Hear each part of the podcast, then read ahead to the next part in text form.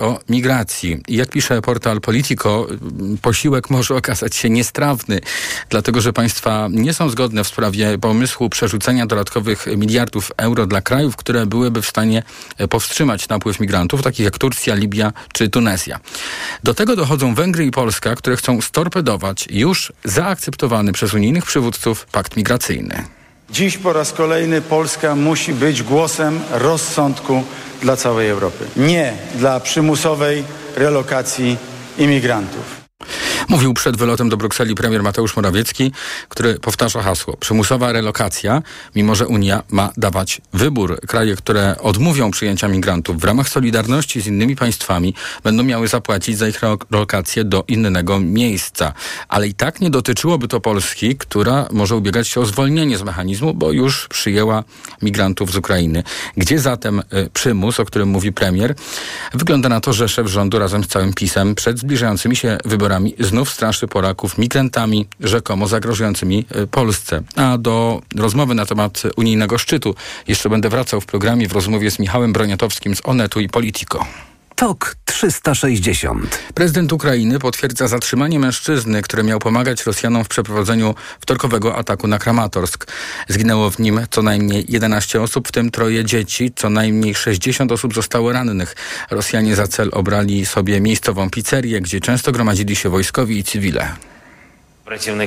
Służba Bezpieczeństwa i siły specjalne policji aresztowały osobę, która koordynowała ten atak terrorystyczny. Każdy, kto pomaga rosyjskim terrorystom niszczyć życie, zasługuje na najwyższy wymiar kary. Powiedział Zeleński w nocnym wystąpieniu. Kramatorsk na wschodzie kraju jest ważnym węzłem logistycznym ukraińskiej armii. Rosjanie cyklicznie ostrzeliwują to miasto. W kwietniu ubiegłego roku w ataku na miejscowy dworzec kolejowy zginęło 61 osób, a ponad 160 zostało rannych. TOK 360. Wprowadzenie stanu nadzwyczajnego na terenach przy granicy Biało z Białorusią nie jest rozważane, zapewnia rzecznik rządu Piotr Miller. Takie przypuszczenia pojawiły się po tym, jak wczoraj szef Prawa i Sprawiedliwości wicepremier Jarosław Kaczyński poinformował o wzmocnieniu ochrony wschodniej granicy. Decyzja ma wynikać z przerzucenia na Białoruś najemników z grupy Wagnera. Piotr Miller wyjaśnia, na czym w takim razie ma polegać polska reakcja przygotowujemy się do potencjalnych ruchów ze strony grupy Wagnera, jeżeli ona by takie działania podejmowała. To są działania przygotowujące się do takiego scenariusza. Natomiast na ten moment nie mamy sygnału, żeby on był na dzisiaj czy na jutro możliwy. Natomiast trzeba się przygotowywać oczywiście wcześniej. Zdaniem wicepremiera Jarosława Kaczyńskiego po weekendowym buncie w Rosji na Białoruś mogło trafić do 8 tysięcy żołnierzy Jewgenija Prigorzyna. Kaczyński mówi, co to może oznaczać nową fazę wojny hybrydowej, fazę znacznie trudniejszą niż ta, z którą mieliśmy do czynienia dotąd.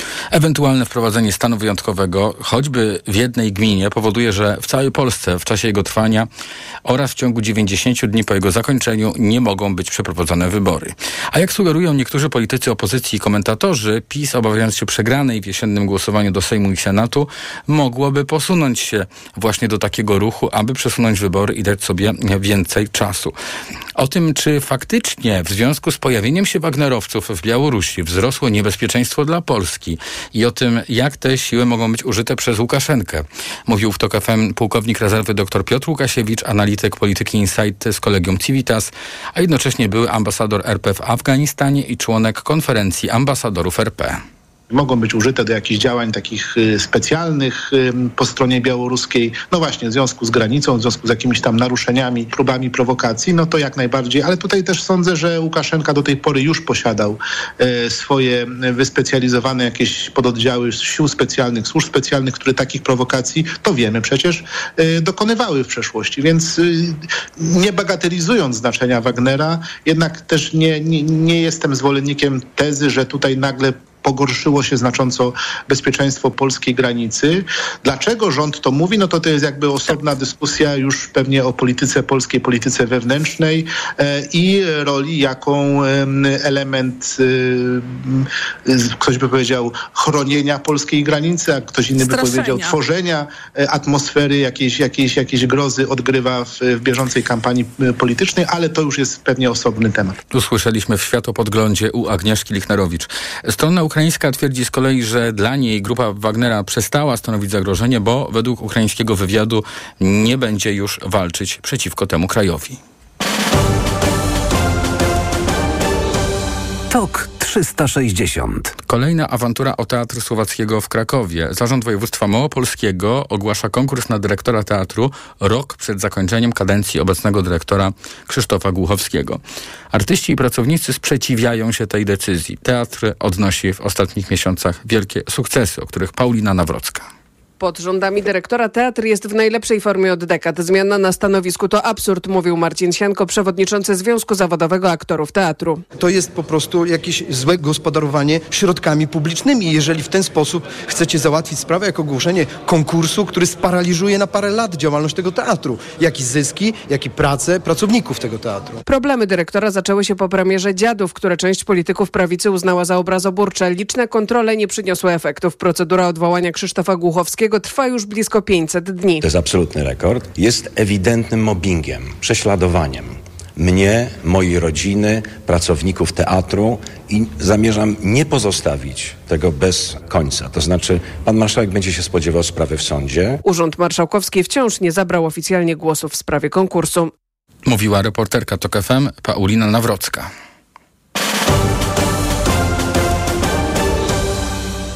Szpitale alarmują. Brakuje bardzo ważnych leków, które pacjenci zażywać powinni po wypisaniu ich z placówek. Penicylina i amoksycylina to są antybiotyki, których w zasadzie nie ma w aptekach. To kluczowe środki w leczeniu dzieci, które zostały zakażone bakteriami paciorkowca. Sytuacja jest patowa, mówi w rozmowie z naszą reporterką Katarzyną Młynarczyk dr Lidia Stopyra, ordynator pediatrycznego oddziału w krakowskim szpitalu Żeromskiego. Dzieci, które dostają dożylnie antybiotyki w szpitalu, na przykład przez trzy dni po wypisaniu, kontynuować muszą leczenie tymi samymi lekami, a to okazuje się być niemożliwe. Kontaktowaliśmy się z aptekami otwartymi, z hurtowniami. Wszyscy mówią o totalnym braku antybiotyków. Są jakieś pojedyncze, zdobywane daleko opakowania, albo jest tak, że w ogóle nie ma ani jednego opakowania. A zapytany dzisiaj y, o to y, przez reportera TOK FM minister zdrowia Adam Niedzielski odpowiedział, że nie słyszał o problemach z dostępnością tych leków. My monitorujemy sytuację zarówno na poziomie aptek, jak i na poziomie e, hurtowni. E, w tej chwili ja nie mam żadnych sygnałów dotyczących braku e, tych podstawowych antybiotyków, o których Pan e, wspomniał, e, ani ze strony Głównego Inspektora Farmaceutycznego, ani ze strony u nas służb odpowiedzialnych. My takich sygnałów nie mamy, ale oczywiście e, sprawdzimy sytuację. Według Naczelnej Izby Aptekarskiej ten problem występuje w całej Europie, bo przemysł farmaceutyczny jest uzależniony od produkcji leków w Chinach i Indiach. Także szpitale obawiają się, że już wkrótce tam właśnie zacznie także brakować e, leków. A do tego tematu jeszcze wrócę w rozmowie z Małgorzatą Juriew, farmaceutką z Augustowa. TOK 360. Lekarze ginekolodzy razem z Naczelną Izbą Lekarską przygotowali wytyczne dla kolegów i koleżanek po fachu w sprawie postępowania w przypadku przedwczesnego odejścia wód płodowych u ciężarnych i tego, kiedy w takich sytuacjach bezwzględnie i bez zastanawiania się należy przeprowadzić aborcję. I choć takie opracowania przygotowywane są regularnie wraz z rozwojem medycyny, to lekarze przyznają, że po ostatnich głośnych śmierciach pacjentek w ciąży taki dokument ma pomóc uniknąć podobnych dramatów. Ten dokument przejrzał reporter TOK FM Maciej Kluczka. Dokument będzie też do znalezienia na stronie internetowej Naczelnej Izby Lekarskiej. Wytyczne jasno mówią lekarzom, w którym momencie w przypadku przedwczesnego odpływu wód płodowych powinno nastąpić przerwanie ciąży, mówi profesor Piotr Sieroszewski, prezes Polskiego Towarzystwa Ginekologów i Położników. W momencie, kiedy od, odpływa płynowodniowy, no około połowy pacjentek może dojść do tego zakażenia uogólnionego. Jeżeli dajemy odpowiednio złożoną, prawidłową antybiotykoterapię, no później celowaną, to y, u większości pacjentów pacjentek jest pewien parasol ochronny, który zapobiega przenikaniu bakterii do reszty ciała. I te pacjentki mogą czekać na to, iż to dziecko dotrwa do momentu, kiedy będzie miało szansę życia. Jeżeli natomiast widzimy, iż antybiotykoterapia nie skutkuje, czyli e, zaczyna się rozwijać sen zapalny, to wówczas należy tą ciążę zakończyć, to nie ma się na co oglądać. A więc e, przechodzenie stanu zapalnego na poziom ogólny to czerwona linia, której lekarze przekroczyć nie powinni. I choć nie jest to wiedza nowa, to jak przyznaje wiceprezes Naczelnej Izby Lekarskiej Klaudiusz Kumor, po wyroku Trybunału z 20 roku, który wykreślił podkreślił jedną z przesłanek aborcyjnych, doszło w tej sprawie w środowisku lekarskim do pewnego zamieszania. Zamieszania niestety groźnego dla zdrowia i życia kobiet. Tak, to jest prawda, że niestety po tym wyroku no, wśród lekarzy pojawił się troszeczkę strach po prostu przed tym, co, jak zostanie zinterpretowana ich decyzja, bo oni decyzję e, o tym, co zrobić, trzeba podjąć nieraz e, w przeciągu bardzo krótkiego czasu. E, czasami można się kogoś poradzić, czasami nie ma na to nawet czasu, tak jak tutaj w tym przypadku Nowego Targu było, prawda, próba zasięgnięcia opinii konsultanta. Czasami w naszych sytuacjach nie ma czasu na to, żeby zasięgnąć opinii, trzeba postępować tylko względem swojej wiedzy medycznej. Ginekolożka Gizela Jagielska zwraca uwagę na jeden z najważniejszych jej zdaniem zapisów tego dokumentu. Zostało tam podkreślone i, i napisane po prostu, że objawy infekcji wewnątrzmacicznej stanowią wskazanie do zakończenia ciąży, czyli już tak bezsprzecznie zostało to gdzieś w końcu też napisane. Będzie to już e, no, bardziej usłyszane przez osoby prowadzące y, ciążę. Wytyczne mają pomóc lekarzom w podejmowaniu trudnych decyzji i dobrze, że taki dokument powstał, dodaje Gizela Jagielska. W całym nowoczesnym świecie medycznym wytyczne są bardzo ważnym elementem. One zbierają nam w jeden zbiór te informacje, które musimy na dany okres czasu posiadać, aby podejmować właściwe y, decyzje. Teraz czas wdrożyć wytyczne w życie bez wyjątków w trosce o zdrowie i życie kobiet. Relacjonował reporter TOK FM Maciej Kluczka. TOK 360. W podparyskim Nanterre tysiące Francuzów biorą udział w białym marszu proteście przeciw zastrzeleniu we wtorek przez policjanta 17-letniego Nahela, co wywołało rozruchy na przedmieściach francuskich miast. W związku z zamieszkami francuskie służby zmobilizowały dodatkowych funkcjonariuszy. Starcia, no właśnie, trwają od wtorku. Zaczęły się po tym, jak e, to warto doprecyzować. Policjant zastrzelił pochodzącego z imigranckiej rodziny chłopaka. Doszło do tego e, właśnie w tej miejscowości, z której ruszył wspomniany marsz, według prokuratora nie było podstaw do użycia broni przez funkcjonariusza. W związku z zamieszkami prezydent Francji Emmanuel Macron powołał specjalną komórkę kryzysową, a minister spraw wewnętrznych Gerald y, Techmena powiedział. Zdecydowałem się zmobilizować dziś wieczorem i w nocy 40 tysięcy policjantów i żandarmów, w tym 5 tysięcy w rejonie Paryża. Będą oni dysponować środkami technicznymi i technologicznymi do zwalczania tych zamieszek. Prokuratura wystąpiła o tymczasowy areszt dla policjanta. Początkowo policja podawała sprzeczne informacje na temat tego zdarzenia. Według pierwszej wersji jadący samochodem nastolatek nie zatrzymał się do kontroli i chciał przejechać policjanta, ale po opublikowanym w mediach nagraniu widać, że samochód stoi, a funkcjonariusz celuje przez szybę do kierowcy. Strzał pada w momencie, gdy samochód rusza. Nieprawidłowości w całej sprawie potwierdziła nawet francuska premier Elizabeth Borne. Opublikowane nagranie pokazuje interwencję wyraźnie niezgodną z zasadami zaangażowania sił bezpieczeństwa.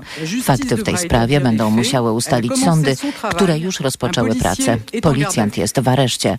Mam nadzieję, że sprawa zostanie wyjaśniona tak szybko, jak to możliwe. Obrońcy rodziny zmarłego mówią o egzekucji. O dwóch nagraniach przedstawiających to zdarzenie, jednym z telefonu komórkowego, drugim z monitoringu, i co z tych nagrań y, wynika. Mówił o tym wszystkim w TOK FM dzisiaj Piotr Morzyński, korespondent Gazety Wyborczej. Choć policjant twierdził później, że samochód ruszył i kierowca próbował go po prostu przejechać, e, to jednak na e, tych nagraniach widać, że policjant stał zupełnie z boku przy bocznym oknie właśnie od strony kierowcy i trzymał w ręku broń. Strzelił praktycznie zaraz po tym, jak samochód ruszył. Oczywiście to jest czyn karalny popełniony przez kierowcę, dlatego że istnieje we francuskich przepisach takie przestępstwo jak e, niepodporządkowanie się poleceniom służb porządkowych. I oczywiście to jest czyn karalny, został on dokonany przez tego kierowcę, tylko że no, tu istotne zastrzeżenie za taki czyn nie grozi kara śmierci. A taka właśnie kara została de facto w ocenie protestujących wymierzona 17-letniemu kierowcy. Całą rozmowę na ten temat znajdą Państwo w podcastach na tokfm.pl i w naszej aplikacji mobilnej. A w trakcie nocnych protestów w podparyskich miejscowościach pojawiły się barykady. Protestujący podpalili autobus, kilka samochodów i śmietników. Na fasadach budynków pojawiły się napisy Policja zabija. To podsumowanie dnia w Radiu Tok FM. Przed nami e, rozmowy z gośćmi, a wcześniej Ekonomia 360. To już za chwilę.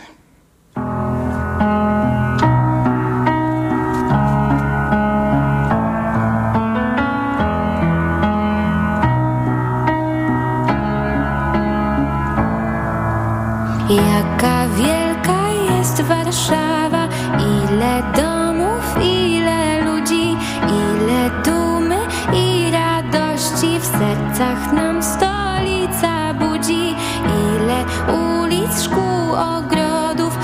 placów, sklepów,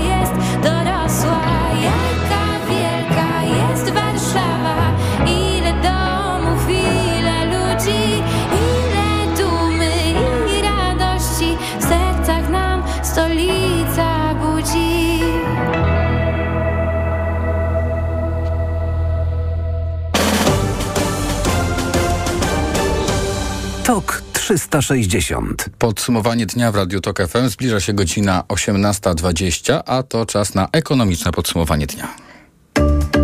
Ekonomia 360.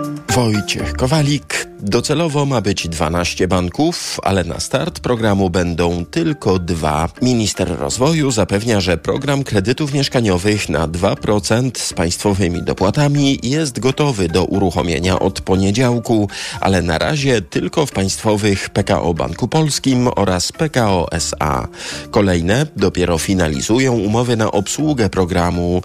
Pierwsze wnioski mają być przejmowane od 3 lipca i jak oczekują eksperci rynku nieruchomości, w przyszłym tygodniu rozpocznie się finalizowanie wielu umów. W rozmowie z reporterem TOK FM Sebastianem Wierciakiem mówi o tym doradca kredytowy Mariusz Stemporowski. Jest dużo takich przypadków, że tak naprawdę kupujący już ze swoimi sprzedającymi już pewien czas temu dogadali się odnośnie wszystkich szczegółów transakcji, tylko opóźnili ten moment starań o kredyt do momentu wejścia w życie tego nowego programu. Wielu takich doradców jak my ma de facto już w poczekalni takich klientów, którzy dosłownie po weekendzie będą chcieli takie wnioski złożyć. I co, za kilka dni będą mogli odbierać klucze, czy to nie będzie tak hop siup? Spodziewamy się na początku pewnych komplikacji, więc też jak rozmawiamy z klientami, to uprzedzamy ich, że banki zawsze, gdy wprowadzają nowe programy, to w ten pierwszy moment jest trochę trudny i uprzedzamy, żeby w rozmowach ze sprzedającymi zapewniali sobie dłuższy czas, żeby to było jednak co najmniej dwa miesiące takiego okresu na te działania kredytowe. Jak dodaje ekspert, wyeliminowanie pierwszych błędów może potrwać kilka tygodni, tym bardziej, że w bankach dopiero niedawno rozpoczęły się szkolenia pracowników. To kredyty złotowe, a bankowcy liczą się z możliwością większej liczby pozwów ze strony kredytobiorców frankowych, choć prezes Związku Banków Polskich nie spodziewa się, żeby był to wzrost drastyczny. To po wyroku Unijnego Trybunału Sprawiedliwości, który dwa tygodnie temu jednoznacznie opowiedział się po stronie kredytobiorców. Według najnowszych danych obecnie złożono około 126 tysięcy pozwów, ale do tej liczby trzeba doliczyć kolejnych kilka tysięcy pozwów, które zostały złożone, ale jeszcze nie dotarły do banków. Czerwiec przyniósł kolejny spadek inflacji, prognozują ekonomiści. Ich oczekiwania to okolice 11,5%. W maju było to 13%. Dane GUS-u będą znane jutro, ale Hanna Cichy, starsza analityczka do spraw gospodarczych polityki Insight, studzi optymizm. To wciąż bardzo wysoka inflacja, a za spadek odpowiada tylko jeden czynnik. Tanieją paliwa. To w zasadzie jedyna część w tym koszyku inflacyjnym, która tanieje rok do roku. No to jest jedyne, co nam w tej chwili y, tą inflację obniża. Inflacja przestała rosnąć, co na pewno jest, jest dobre i zaczęła padać, natomiast dalej jesteśmy ponad pięć razy powyżej celu inflacyjnego, więc y, to nie jest moment na mm, otwieranie szampana, niezależnie od tego, jak rośnie cena szampana, tak? Y, pan szef rezerwy federalnej y, amerykańskiej, Jerome Powell, ma takie powiedzenie, że w warunkach wysokiej inflacji gospodarka nie działa dla nikogo. Poza tym spadek inflacji to też w dużej mierze efekt statystyczny, bo porównujemy się do już wysokich cen rok temu.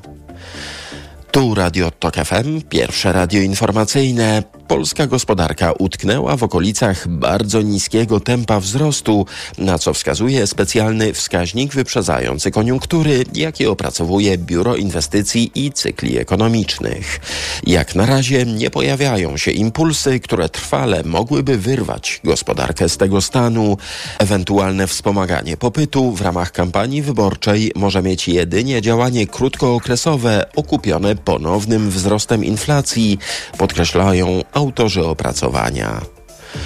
Polska gospodarka będzie potrzebowała rąk do pracy z zagranicy po to, żeby utrzymać swój rozwój, wskazywał w TOK FM Piotr Soroczyński, główny ekonomista Krajowej Izby Gospodarczej, bo nasz rynek nie jest w stanie tego zapotrzebowania zaspokoić. Jeżeli marzymy o tym, żeby przez najbliższą naszą dekadę nasza gospodarka rozwija się mniej więcej w tempie 3-3,5%, to pamiętajmy, że tylko 2% z, tej wielkości jesteśmy w stanie zwiększyć wzrost, wzrostem wydajności. Pozostałe musimy zwiększyć wzrostem zatrudnienia, czyli procent, półtora procent musimy mieć co roku więcej ludzi pracujących, a to jest 150 do 200-230 tysięcy ludzi. A pamiętajmy, że z przyczyn demograficznych nam ludzi naszych tu będzie ubywało. My raczej będziemy szli w kierunku emerytur niż, niż nowych pokoleń, które wchodzą na rynek pracy, więc może się okazać, że przez najbliższą dekadę będziemy potrzebowali 150-200 tysięcy ludzi rocznie, którzy przyjadą do nas, żeby był ten wzrost wymarzony 3,5%. Według szacunków w tej chwili w Polsce pracuje ponad 160 tysięcy migrantów z innych krajów niż Ukraina i Białoruś. Inflacja w Niemczech przerwała swój marsz w dół i w czerwcu znów przyspieszyła bardziej niż tego oczekiwali ekonomiści. Ceny u naszych sąsiadów rosną w kończącym się miesiącu o 6,4% w skali roku. Miesiąc temu było to nieco ponad 6%. Wciąż szybko drożają w Niemczech żywność oraz usługi. 4 zł 44 grosze, tyle kosztuje dziś euro, frank po 4,54, dolar 4,08, funt 5,14 i jeszcze giełda WIG i WIG20 w górę o 0,8%. Ekonomia 360. Radio TOK FM. Pierwsze radio informacyjne. Pogoda. Piątek będzie ciepły, choć nie wszędzie. Na termometrach y, od 23 stopni na północnym zachodzie do 28 w centrum, a na wybrzeżu tylko niestety 19. No i będzie nam towarzyszył przelotny deszcz, na zachodzie burza, lokalnie z gradem. TOK 360.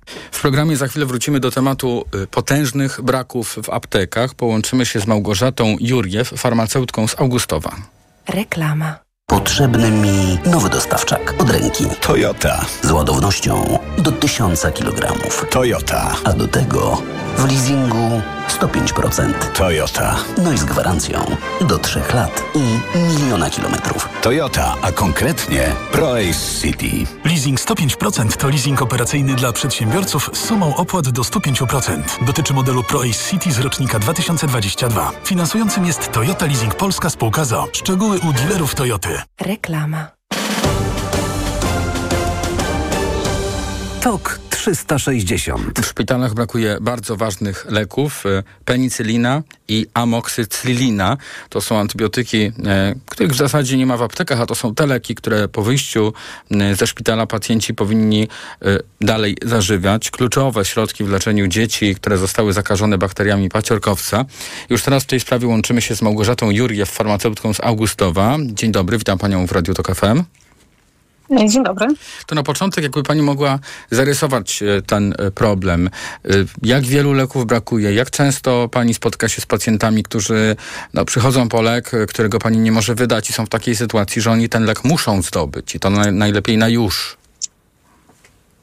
W tej chwili lista takich leków deficytowych jest, jest już e, ogromna. Praktycznie to wygląda, że codziennie, wielokrotnie sprawdzamy stany dostępność leków w hurtowniach, wydzwaniamy, prosimy, wysyłamy zamówienia, mamy zapotrzebowania na kilkanaście, kilkadziesiąt opakowań, dostajemy jedno, dwa. Y, Pacjenci y, potrzebują y, naprawdę dużej ilości leków, na przykład właśnie tak jak wspom- wspominaliście już Państwo, antybiotyków, ale też brakuje leków rozszerzających oskrzela, sterydów ziewnych, leków przeciwcukrzycowych, leków stosowanych w ortopedii. Ta lista z tygodnia na tydzień robi się coraz większa. Y, Kiedyś to było w miarę y, możliwe do przewidzenia, jakie leki mogą na przykład y, stać się lekami deficytowymi. Teraz, teraz jest klucz nieznany. Mm, Pacjenci naprawdę codziennie poszukują, dzwonią. To jest nasza już teraz codzienność.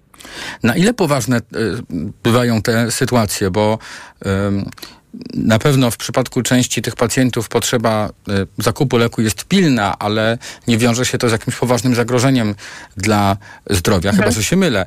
Y, ale czy, czy są takie przypadki, gdzie to jest walka o, y, o, o zdrowie i życie życie. pacjenta? Y, Tak, takich sytuacji właśnie jest bardzo dużo, ponieważ y, pacjenci naprawdę poszukują leków na przykład narkotycznych stosowanych w chorobach y, nowotworowych, czy leków przeciwcukrzycowych, gdzie na przykład inne terapie innymi lekami okazały się nieskuteczne. Także jest to, jest, jest to już po prostu sytuacja ratowania życia, czy jakieś tam powikłane zakażenia. Niestety nawet nie ma zamienników, nie ma jak tym pacjentom pomóc. Ludzie są zdesperowani, na przykład są w stanie, mają usta- poustawione teraz w wyszukiwarkach internetowych powiadomienia, y, że na przykład y, w, któr- w którejś aptece w Polsce, jeśli pojawi się dany lek, natychmiast y, otrzymują powiadomienie, dzwonią do tej apteki i są w stanie przyjechać naprawdę z drugiego końca Polski. Tylko, że no niestety apteki, mimo naprawdę naszej walki i starań, nie jesteśmy w stanie, na przykład mamy zaczęte recepty pacjentów, potrzebujemy kilkadziesiąt opakowań, dostajemy jedno, dwa.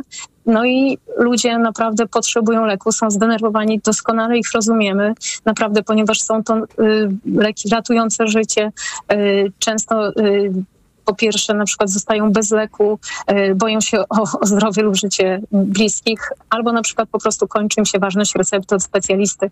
Wiadomo, jak ciężko dostać się teraz do lekarza specjalisty i na przykład recepta traci ważność, wiedzą, że zostaną bez możliwości wykupienia. Też tak samo właśnie denerwują się pacjenci, jeżeli zaczną gdzieś leki w, w jakiejś aptece, na przykład mają e, receptę na pięć opakowań, otrzymają tylko jedno i niestety apteka mimo naprawdę codziennego, tak można nazwać kolokwialnie, polowania na deficyty nie jest w stanie zapewnić ciągłości terapii dla pacjentów. No tak, bo pacjenci przyzwyczaili się, że e-receptę można podzielić. Część leków wykupić tu, część leków wykupić tam, ale w przypadku, Tak. jak rozumiem, rozpoczętej partii jakiegoś leku, zaczętej Tak, recepty, preparatu. jak to pani nazwała, w jednej aptece, dokupić tego gdzie indziej już nie można. Inna apteka nawet już nie widzi tej zaczętej pozycji z pakietu e-recept. Także jeśli na przykład wykupi jedno opakowanie e, danego deficytu na przykład w Augustowie, to już drugiego na przykład w Warszawie nie wykupi. Pani Nawet wspomniała będzie tam Mhm. dostępny.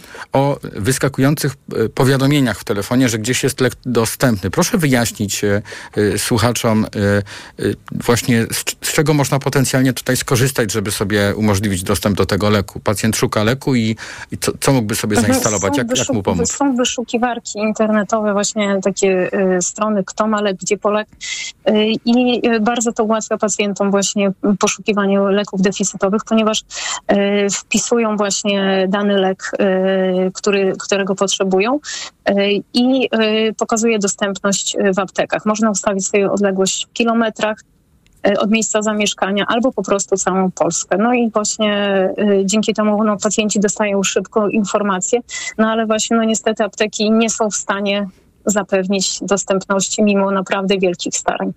Z tego, co pani mówi, wynika, że problem dotyczy całego kraju, bo po całym kraju pacjenci szukają Dokładnie. tych leków, Tak, a no. jednocześnie y, minister zdrowia Adam Niedzielski, dzisiaj zapytany przez naszego reportera, stwierdził, że ten problem nie jest mu znany. Mm, Jak pani na to patrzy? No bo skoro problem dotyczy całego kraju, a w ministerstwie o tym nie wiedzą, to, to wydaje się to trochę Jest dziwne. nawet ogólnodostępna lista leków y, deficytowych udostępniana przez y, izby aptekarskie, y, na których, i to jest oficjalna ministerialna lista.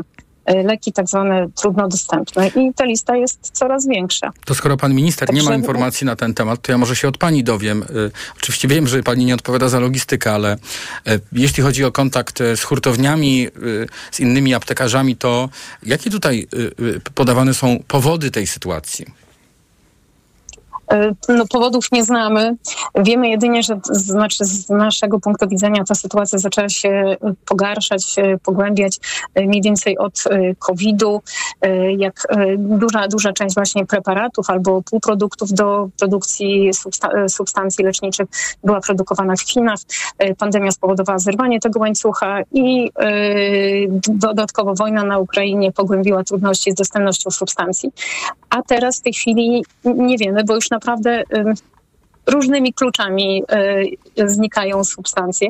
Część substancji, y, część leków refundowanych y, ma, y, znaczy Polska ma jedne z najniższych marsz na leki refundowane w Europie. Dlatego no to wiemy, że niektórym producentom po prostu nie do końca opłaca się sprzedawać na polskim rynku y, leków, które są dużo droższe na przykład na zachodzie. I są zapewniane tylko niewielkie ilości wynikające z różnych umów, zobowiązań, no ale tutaj to już, y, już nie moje kompetencje Mhm. i ja Czy płyną do państwa jakieś sygnały uspokojenia z hurtowni, że sytuacja jest przejściowa i to wszystko wróci do normy? Y, Nie, y, hurtownie nie są w stanie odpowiedzieć właśnie na pytania, kiedy leki wrócą. Tak samo pacjenci na przykład pytają nas, czy na przykład jeżeli, y, jeżeli teraz nie wykupią, to na przykład czy za miesiąc będziemy w stanie im zapewnić kolejne opakowanie albo czy, czy ich kuracja nie zostanie przerwana. Nie mamy na ten temat żadnej informacji. Jedynie na przykład brakuje też wielu szczepionek dla dzieci. Y, Na przykład brakuje teraz tej szczepionki sześcioskładnikowej, jeżeli dzieci miały zaczętą y, kurację właśnie jakimś konkretnym preparatem, y, to oczywiście zalecane jest, żeby kontynuować z preparatem tej samej firmy. No i niestety na przykład jeśli go brakuje, to mamy mają problem i naprawdę potrafią kilkaset kilometrów przemierzyć, żeby zdobyć taką szczepionkę. Y, Niestety właśnie y, no, my nie, tutaj też nie jesteśmy w stanie, ale tutaj w przypadku szczepionek akurat na stronie y, dystrybutorów jest na przykład zapewnione, że, napisane, że dostępność będzie załóżmy w trzecim kwartale roku 23. W przypadku pozostałych deficytów nie mamy pojęcia. Nie mamy też pojęcia, co zniknie na przykład w przyszłym tygodniu, które leki się zaopatrzyć, żeby nie zabrakło dla pacjentów. Także jest to Krótko, zagadką. na koniec jakby pani mogła powiedzieć, co odpowiada pani pacjentowi w okienku? Że bardzo byśmy chcieli zapewnić dostępność leku, bardzo się staramy. E, Rozumiemy ich zdenerwowanie i, i desperację, bo naprawdę y, często znamy takie historie, że naprawdę aż ściska ze serca. Bardzo byśmy chcieli pomóc y, ludziom, ale no, no niestety nie jesteśmy w stanie nic Mhm. obiecać. Ani obiecać, czy na przykład następne opakowanie będzie w stanie wykupić. To, to za każdym razem właśnie jest takie Mhm. też brakuje właśnie leków y, stos, y, po, po resekcji trzustki, w mukowiscydozie.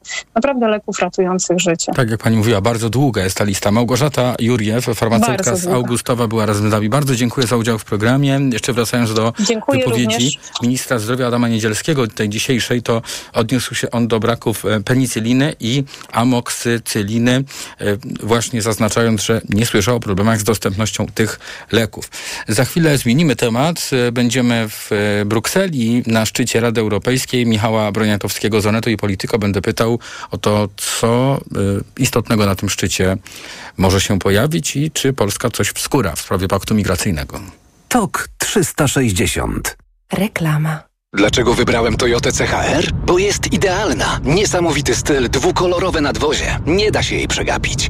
Aluminiowe felgi, najnowsze systemy bezpieczeństwa, klimatyzacja, a wykończenie? Najwyższa jakość. Dopracowana na tip-top. Do tego łączy w sobie miejski styl i niezawodny i oszczędny napęd hybrydowy. Od razu widać, że ma charakter. Teraz Toyota CHR dostaniesz w Toyota Outlet z rabatem nawet do 11 400 zł. Szczegóły na toyota.pl Tak, słucham. Z tej strony Hubert Urbański. Twój przyjaciel potrzebuje pomocy z pytaniem eh, o inflację. O tę inflację to już lepiej nie pytać. Ale ty w banku Credit Agricole masz na nią odpowiedź. Pobierz apkę i zyskaj 8,5% na lokacie mobilnej z kontem dla ciebie. Credit Agricole. Twój bank pełen korzyści. Lokata mobilna to oferta specjalna lokaty o stałym oprocentowaniu 8,5% w skali roku na 180 dni. Możesz z niej skorzystać w CA24 Mobile tylko raz w ciągu 14 dni po otwarciu konta dla Ciebie, konta dla Ciebie VIP lub Move. Na lokatę możesz płacić od 1000 do 30 tysięcy złotych. Szczegóły w tabeli oprocentowania kont dla osób fizycznych na crediagricole.pl i w placówkach. Używamy nazw handlowych. Wyjaśniamy je na crediagricole.pl łamane na PAD. Credit Agricole Bank Polska S.A. Renault. Spokojna, dynamiczna, silna. Napędza nas energia hybrydowa, dzięki której nieustannie się rozwijamy. Renault Arcana i Tech Full Hybrid dopasowuje się do Ciebie i pomaga zmniejszyć zużycie paliwa nawet o 40%. Renault Arcana i Tech Full Hybrid. Hybrydowe z natury.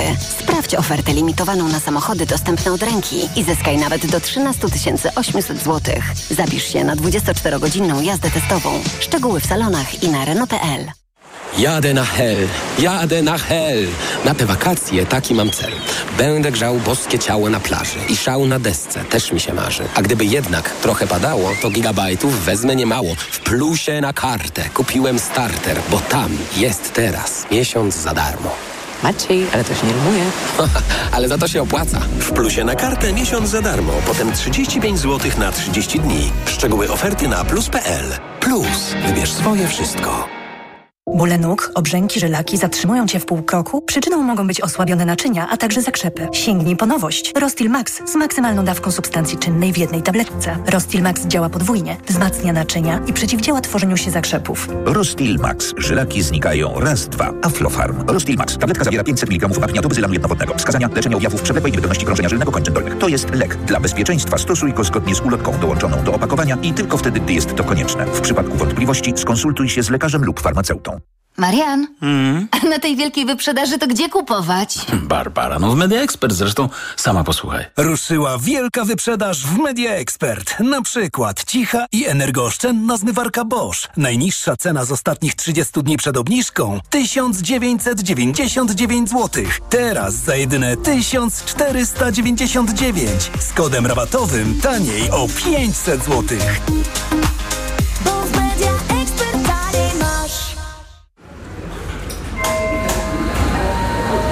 Dla tych, którzy wolą spędzać wakacje w mieście, mamy Peugeot 208. Zmysłowy miejski samochód na lato i na lata.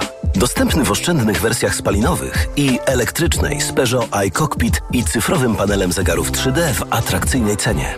Peugeot 208 już od 899 zł netto miesięcznie dla firm w programie Simply Drive. Szczegóły w salonach Peugeot i na Peugeot.pl. Peugeot. Reklama. TOK 360. Trwa y, szczyt unijnych przywódców w Brukseli. Rosyjska inwazja na Ukrainę i niest- niestabilna sytuacja w Rosji to będą tematy tego szczytu, także migracje do Unii Europejskiej. Już teraz łączymy się z Michałem Broniatowskim z Anetu i Politico. Dzień dobry, witam w Radiu Tok FM. Dzień dobry. Chciałem na wstępie pana zapytać o to, co może przynieść ten szczyt, co by pan tutaj wyróżnił? E, e, No, wydaje mi się, że już najważniejsza rzecz została przyjęta, znaczy z- mojego punktu widzenia i z naszego zapewne też. E, Mianowicie e, Unia Europejska e, wypowiedziała się za tym, żeby e, zapewnić Ukrainie e, gwarancję, e, znaczy nie gwarancję, zobowiązanie bezpieczeństwa to się nazywa. O, e, to jest o tyle e, istotne, że doszli do porozumienia w tej sprawie, ponieważ w, w Unii, e, wśród 27 e, członków Unii jest trójka krajów, które są dosyć stanowczo neutralne, to znaczy Irlandia, Malta i Austria. I znaleziono taki język dyplomatyczny, bo to jest specjalność Unii Europejskiej, e, żeby obejść ich wątpliwości i te, zobowią- te e, zobowiązania e, bezpieczeństwa zostały tak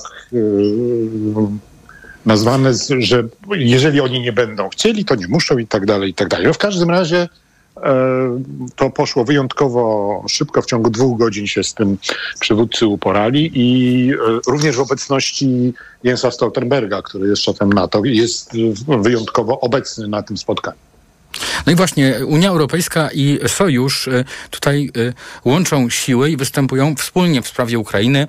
Dodatkowo szefowa Parlamentu Europejskiego Roberta Metzola oświadczyła, Solidarność z Ukrainą musi pozostać na pierwszym miejscu w naszym programie. Czy pan widzi tutaj też taką właśnie wielostronną mobilizację? No, y, jest niewątpliwe, że, że, no jeżeli e, w sprawie dosyć kontrowersyjnej jednak, no bo to e, jest sprawa, która ciągnie za sobą e, rozmaite zobowiązania militarne, wydatki i tak dalej, i tak dalej. Jeżeli w takiej sprawie e, tak szybko się dogadują, to znaczy, że jest e, dobrze, jest duże e, porozumienie w tej sprawie. No trzeba przyznać, że Rosjanie robią bardzo dużo, żeby e, wzmocnić tę jedność e, Unii Europejskiej. No a poza tym e, też e, stolice unijne zauważyły e, taką możliwość e, większego naciśnięcia na Moskwę dzięki temu weekendowemu puczowi w, w, w Rosji, który zakończył się po 24 godzinach. Czy to oznacza, że wspólnota tutaj może mm, jednocześnie oczywiście przestrzegając przed y, lekceważeniem Rosji, ale troszkę wykorzystywać słabość tego kraju? No oczywiście, oczywiście. No, Europa być może nie jest w stanie wojny ze Stanami, e, przepraszam, z Rosją, e, ale e, niewątpliwie jest w stanie, znaczy wspiera jak tylko może kraj, który w stanie wojny z Rosją jest, czyli, czyli Ukraina, więc Europejczycy zachowują się tutaj no naprawdę ta ewolucja, która zaszła w, wśród krajów europejskich w ciągu ostatnich kilku lat e, i znów przy pomocy właśnie e, gwałtownych ruchów ze strony Kremla e, jest niezwykła. No, przypomnijmy sobie w 2014 roku, kie- kiedy była aneksja Krymu i rozpoczęła się inwazja e, przy pomocy e, e, miejscowych separatystów, e, inwazja e, na Donbasie, to no, przekonywanie krajów unijnych do tego, żeby się zgodziły na e, jakieś sankcje i te sankcje też były dosyć symboliczne, trwało miesiącami. A tutaj no, mamy już jedenastą transzę tych, tych, tych sankcji, tym razem taką bardzo uszczelniającą, dotychczasowe.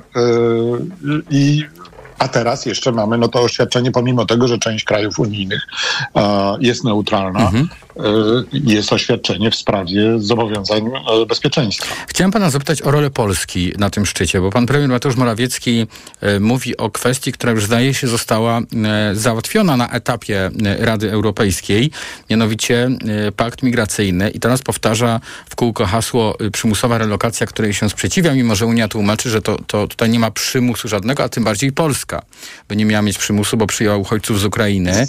E, W, no przyjeżdża pan premier na, na ten szczyt, e, zabiera głos i, i, i czego pan się spodziewa? Czy może tutaj osiągnąć No to, to, swoje to, cele? to jest, muszę powiedzieć, po raz kolejny e, Polska na arenie międzynarodowej rozgrywa e, nie swoje interesy e, globalne, międzynarodowe, e, unijne i tak dalej, tylko wyłącznie swoje interesy e, krajowe.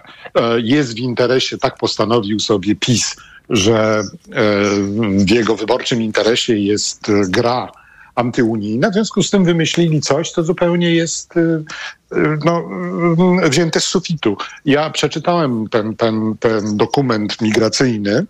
To są dwa e, konkretnie duże dokumenty, ponad 300 stron i tam naliczyłem 29 razy odwołanie się do czegoś, co się nazywa presja migracyjna. E, Chodzi o to, że kraje, które znajdują się pod presją migracyjną, mogą e, nie zastosować się do tego zobowiązania, że albo przyjmujemy uchodźców, albo płacimy za ich nieprzyjmowanie. Mało tego, kraje znajdujące się pod presją migracyjną e, mają prawo do korzystania z takiego pulu z takiej puli solidarnościowej to się nazywa. Ona została też w tych, tych, w tych dokumentach utworzona. E, Tam no, na to się będzie zrzucała sama Unia z budżetu, ale również te kraje właśnie, które nie będą chciały przyjmować uchodźców i będą tam zrzucały się na to. I z tych pieniędzy będzie można e, korzystać. Jedyny warunek jest taki, że trzeba dopilnować, żeby Komisja Europejska, bo to Komisja Europejska będzie decydować, e, żeby wpisać Polskę e, na e, listę e, krajów znajdujących się pod presją migracyjną. E, Jeśli tylko tego dopilnuje polska e, dyplomacja, to raczej Polska na, tym, e, na tych nowych przepisach migracyjnych zyska, a nie straci. Bardzo dziękuję za ten komentarz. Michał Broniatowski z Onetu i Politico był razem z nami w podsumowaniu dnia. A za chwilę będzie o sytuacji w Ukrainie i o sytuacji na froncie. Moim i Państwa gościem będzie Marek Kozubel, historyk i redaktor współpracujący z portalem Defense24. Thank you.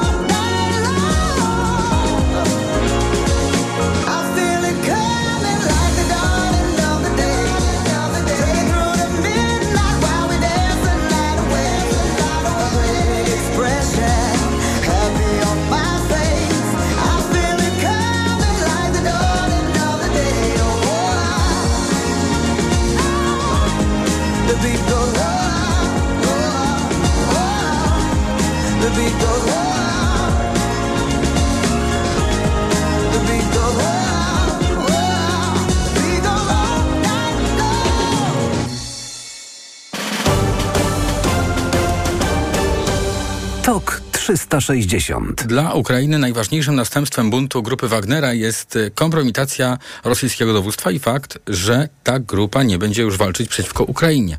Tak powiedział szef ukraińskiego wywiadu Kryło Budanow. Już teraz łączymy się z Markiem Kozubelem, historykiem i redaktorem współpracującym z portalem Defense24. Dzień dobry, witam w Radiu Tok FM. E, Witam serdecznie panie redaktorze, pozdrawiam słuchaczy. Na samym początku chciałem pana zapytać właśnie o znaczenie tego faktu, że y, grupa Wagnera jakby to ująć, e, no, Ukraińcy uważają, że nie zagraża im e, już, ale w, no, w tej chwili mm, jej właściciel jest w Białorusi, ma ona podlegać Rosji, no i chyba nie, nie działają jej struktury teraz. Czy, czy tak? Znaczy tutaj przede wszystkim e, trzeba podkreślić jedną e, rzecz. Jeżeli chodzi o prywatną kompanię wojskową Wagner, to będzie ona Rosjanom przede wszystkim potrzebna do, utrzymaniu, do utrzymania swoich wpływów w Afryce, na Bliskim Wschodzie. Także możemy podejrzewać, że tam będą oni nadal wykorzystywani. Możliwe nawet, że bardziej intensywnie, żeby właśnie pozbyć się ich z Także, że tak to ujmę, europejskiego teatru działań, ale równie dobrze mogą też oni być wykorzystani do czegoś na Białorusi, albo w rękach Łukaszenki, e, albo wbrew pozorom w rękach e, Putina. E, Bo jeżeli chodzi o ten bu- bunt, to mm, tutaj warto zwrócić uwagę na jedną rzecz. Prigorzyn wystąpił z puczem nie tyle przeciwko Putinowi, co przeciwko jednemu z obozów, który jest na Kremlu, czyli przeciwko głównie ministrowi obrony e, Siergiejowi Szojgu. To on był tym głównym wrogiem, był głównym przeciwnikiem e, Prigorzyna w tym e, puczu. Ale e, Szojgu nie udało się obalić. E, może co najwyżej stracił trochę wizerunkowo, ale z drugiej strony też zwróćmy uwagę na to, że z jakiegoś powodu jednak i sam Prigorzyn się wycofał. Prawdopodobnie chodzi o to, że e, wbrew pozorom nie, nie otrzymał takiego dużego poparcia, na jakie liczył i niewykluczone też, że zdał sobie sprawę z tego, że e, wyni- potencjalny wynik walk o Moskwę no, byłby bardzo niepewny. Mhm. No, słyszymy o rosyjskim generale e, Surowkinie, który mm, zniknął bez śladu, nie można się z nim skontaktować, a to miał być ten człowiek, który miał popierać e, e, właśnie Prigorzyna.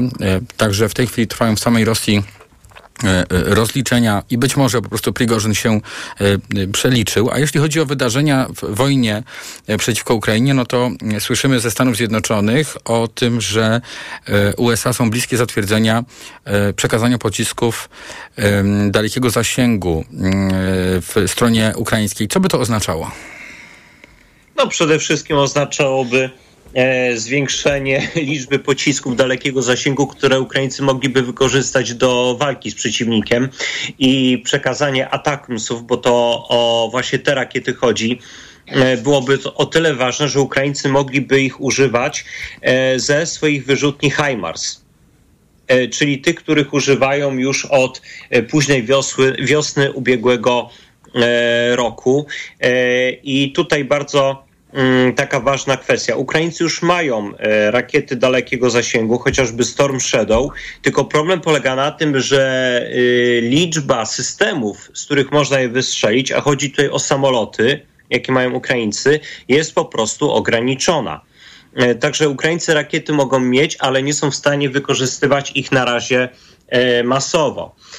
Inna sprawa, że jeżeli jeszcze dodatkowo dostaną rakiety ATACMS do wyrzutni HIMARS, no to teraz już sytuacja się zmieni. Ten e, precyzyjny ogień rakietami e, dalekiego zasięgu, precyzyjnymi rakietami, no po prostu będzie teraz bardziej intensywny. Ale mówimy to- tu o obronie Ukrainy czy atakowaniu Rosji?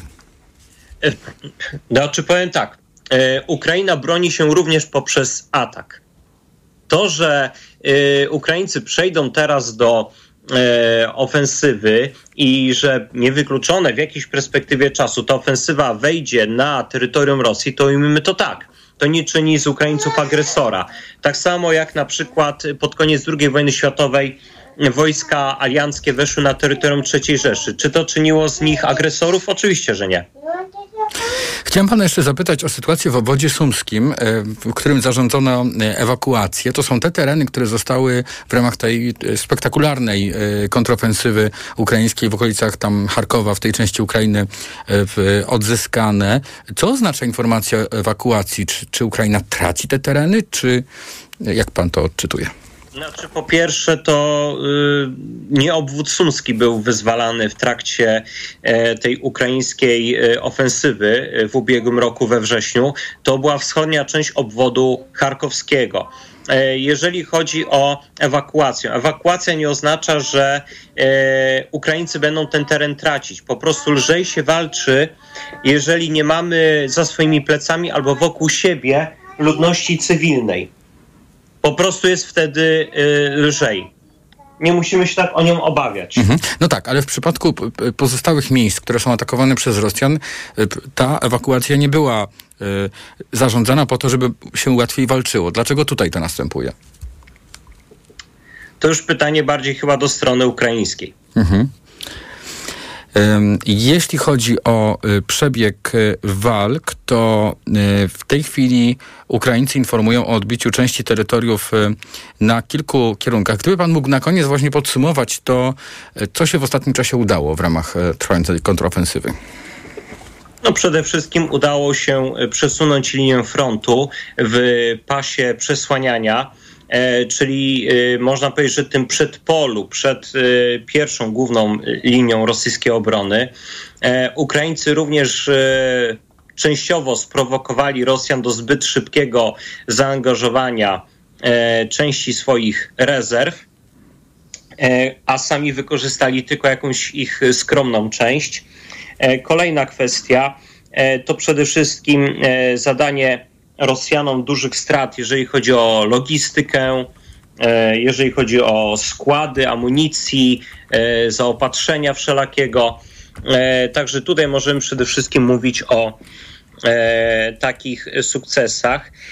Jeżeli chodzi o sukcesy terenowe, to one może nie są zbyt duże, bo Ukraińcy działają metodą, że tak to ujmę, salami, czyli spokojnie, pomału odkrajają po prostu kolejne fragmenty tego okupowanego e, terytorium, e, wydzierają powoli z rąk Rosjan. I przede wszystkim na razie mamy do czynienia z takim kształtowaniem pola walki kształtowaniem przed takim głównym uderzeniem, które dopiero nastąpi.